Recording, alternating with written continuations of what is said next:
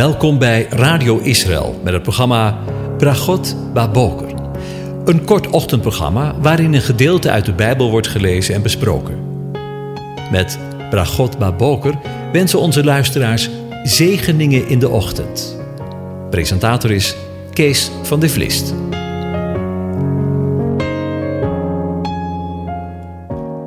Goedemorgen, Bokatov, beste luisteraars. Vanmorgen denken we voor de vijfde keer na over Psalm 126. En ik lees de eerste drie versen aan u voor. Een pelgrimslid.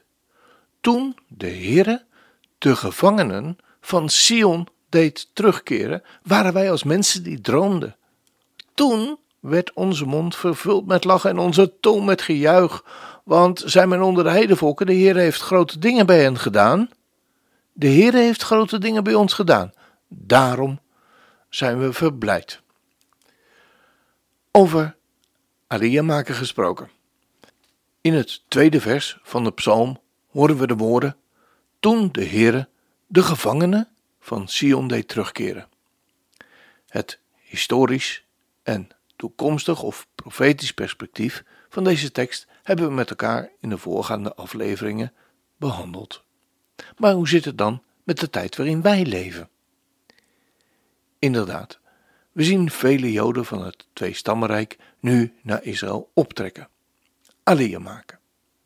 En hoewel het er vele zijn, in het grote geheel van Gods plan met heel zijn volk, en ik wil het echt niet kleineren, is het nog maar mondjesmaat.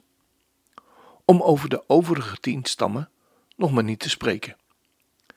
En hoewel we de eerste tekenen van het herstel met Israël zien, en sommige van het volk Jezus of Yeshua erkennen en herkennen, is er nog geen sprake van dat het hele volk zich met hem keert en tot hem keert en uit de ballingschap letterlijk en geestelijk teruggebracht wordt tot de Here. Ik lees Romeinen 11. Als nu enige van de takken afgerukt zijn en u, die een wilde olijfboom bent, in hun plaats, letterlijk in hen of tussen hen, bent geëind en mededeel gekregen hebt aan de wortel en de vettigheid van de olijfboom, beroem u dan niet tegenover de takken. En als u zich beroemt, draagt de wortel niet, maar de wortel u. U zult dan zeggen: de takken zijn afgerukt, opdat ik zou worden geënt. Dat is waar. Door ongeloof zijn ze afgerukt, en u staat door het geloof. Heb geen hoge denk van uzelf, maar vrees. Want als God de natuurlijke takken niet gespaard heeft, dan is het ook mogelijk dat Hij u niet spaart. Zie dan de goede tierenheid en strengheid van God, strengheid over hen die gevallen zijn, over u echte goede tierenheid. Als u in de goede tierenheid blijft, anders zult ook u afgehouden worden. En ook zij zullen, als zij niet in het ongeloof blijven, geënt worden, want God is machtig en opnieuw te enten. Want als u afgehouden bent uit de olijfboom, die van nature wild was, en tegen de natuur in op de tamme olijfboom geënt bent, hoeveel te meer zullen zij, die natuurlijke takken zijn, geënt worden op hun eigen olijfboom.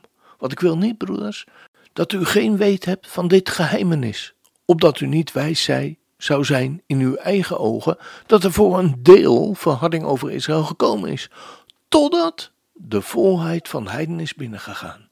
En zo zal heel Israël zalig worden.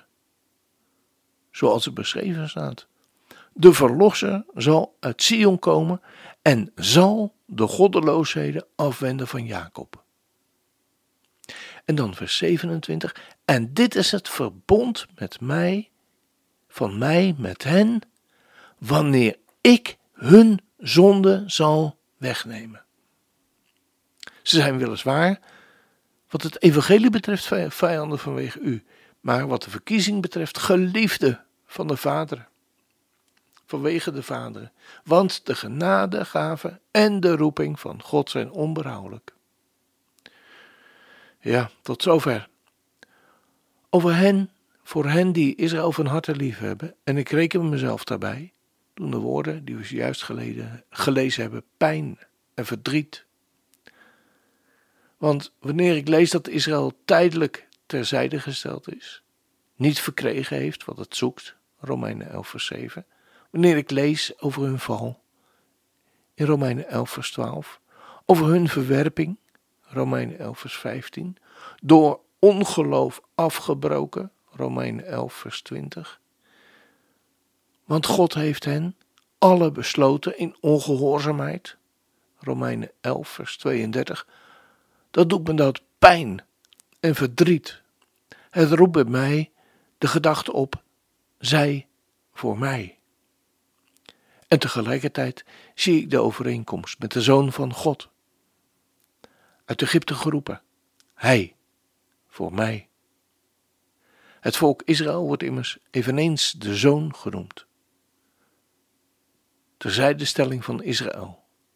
Al 2000 jaren van verdrukking en ballingschap. Terzijde gesteld. Die verschrikkelijke, ik durf het haast niet te zeggen, die verschrikkelijke gaskamers in. 2000 jaar gehaat door de volkeren. Gehaat door de volkeren, wat antisemitisme heet. Verschrikkelijk. En waarom? Want God heeft hen alle onder de ongehoorzaamheid besloten, opdat zij, hij, hun alle barmhartig zou zijn. Romeinen 11, vers 32. Want er is geen onderscheid tussen Jood en Griek, want dezelfde is Heer over alle, rijk voor hen allen die Hem aanroepen. Want een ieder die de naam van de Heer zal aanroepen, zal zalig worden. Romeinen 10, vers 12 en 13. Want er is één God en er is ook één middelaar tussen God en de mensen, de mens, Christus Jezus. 1 Timotheus 2, vers 5. Want God was in Christus de wereld met zichzelf verzoenende. Ik ga het nog een keer lezen en de klemtoon verleggen. Want God was in Christus de wereld met zichzelf verzoenende. 2 Korinthe 5 vers 19. Opdat hij die beide, Joden en heidenen, met God verzoenen zou door het kruis. Efeze 2 vers 16. Toen wij vijanden waren, met God verzoend zijn door de dood van zijn zoon. Romeinen 5 vers 10. En hij heeft u, die vroeger vervreemd, vervreemd waart, en vijanden, nu ook verzoend in het lichaam van zijn vlees door de dood. Colossense 1 vers 22 en 21. Opdat hij die beide met God in één lichaam zou verzoenen door het kruis. Efeze 2, vers 16. Dat de heidenen mede-erfgezamen zijn van hetzelfde lichaam, van een samengevoegd lichaam. En mededeelgenoten zijn aan zijn belofte in Christus door het evangelie. Efeze 3, vers 6. Eén lichaam is het. Efeze 4, vers 4. En God heeft ons mede samen opgewekt en heeft ons mee samengezet in de hemel in Christus Jezus. Efeze 2 vers 6. God heeft ons verzegend met alle geestelijke zegeningen in de hemel in Christus. Efeze 1 vers 3. Maar onze wandel is in de hemelen. Filippenzen 3 vers 20. Indien gij dan met Christus opgewekt zijt, zoek dan de dingen die boven zijn, waar Christus is, gezeten aan de rechterhand van God. Bedenk de dingen die boven zijn, want je leven is met Christus verborgen in God. Colossense 3, vers 1 tot 3. Inderdaad, woorden schieten me werkelijk tekort wanneer ik deze woorden op me in laat werken.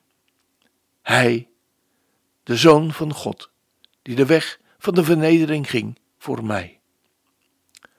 Maar tegelijkertijd, wanneer ik me indenk dat Israël nu al 2000 jaar terzijde is gesteld, vernederd, gehaat, door de wereld tot op de huidige dag, opdat de heidenen, opdat u en ik, zij, die niet tot het volk behoren, tot het geloof zouden komen.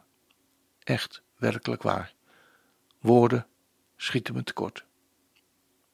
Weet u, in de voorgaande afleveringen hebben we stilgezijn bij het woord Hama'alot. Dat afkomstig is van het vrouwelijke zelfstandige naamwoord Ma'ale. Wat trap of treden van een trap betekent. Het Ma'ala heeft weer verbond met het Ma'ale van een verhoging, dat wil zeggen concreet een oplopende helling, zoals van een heuvel, een platform.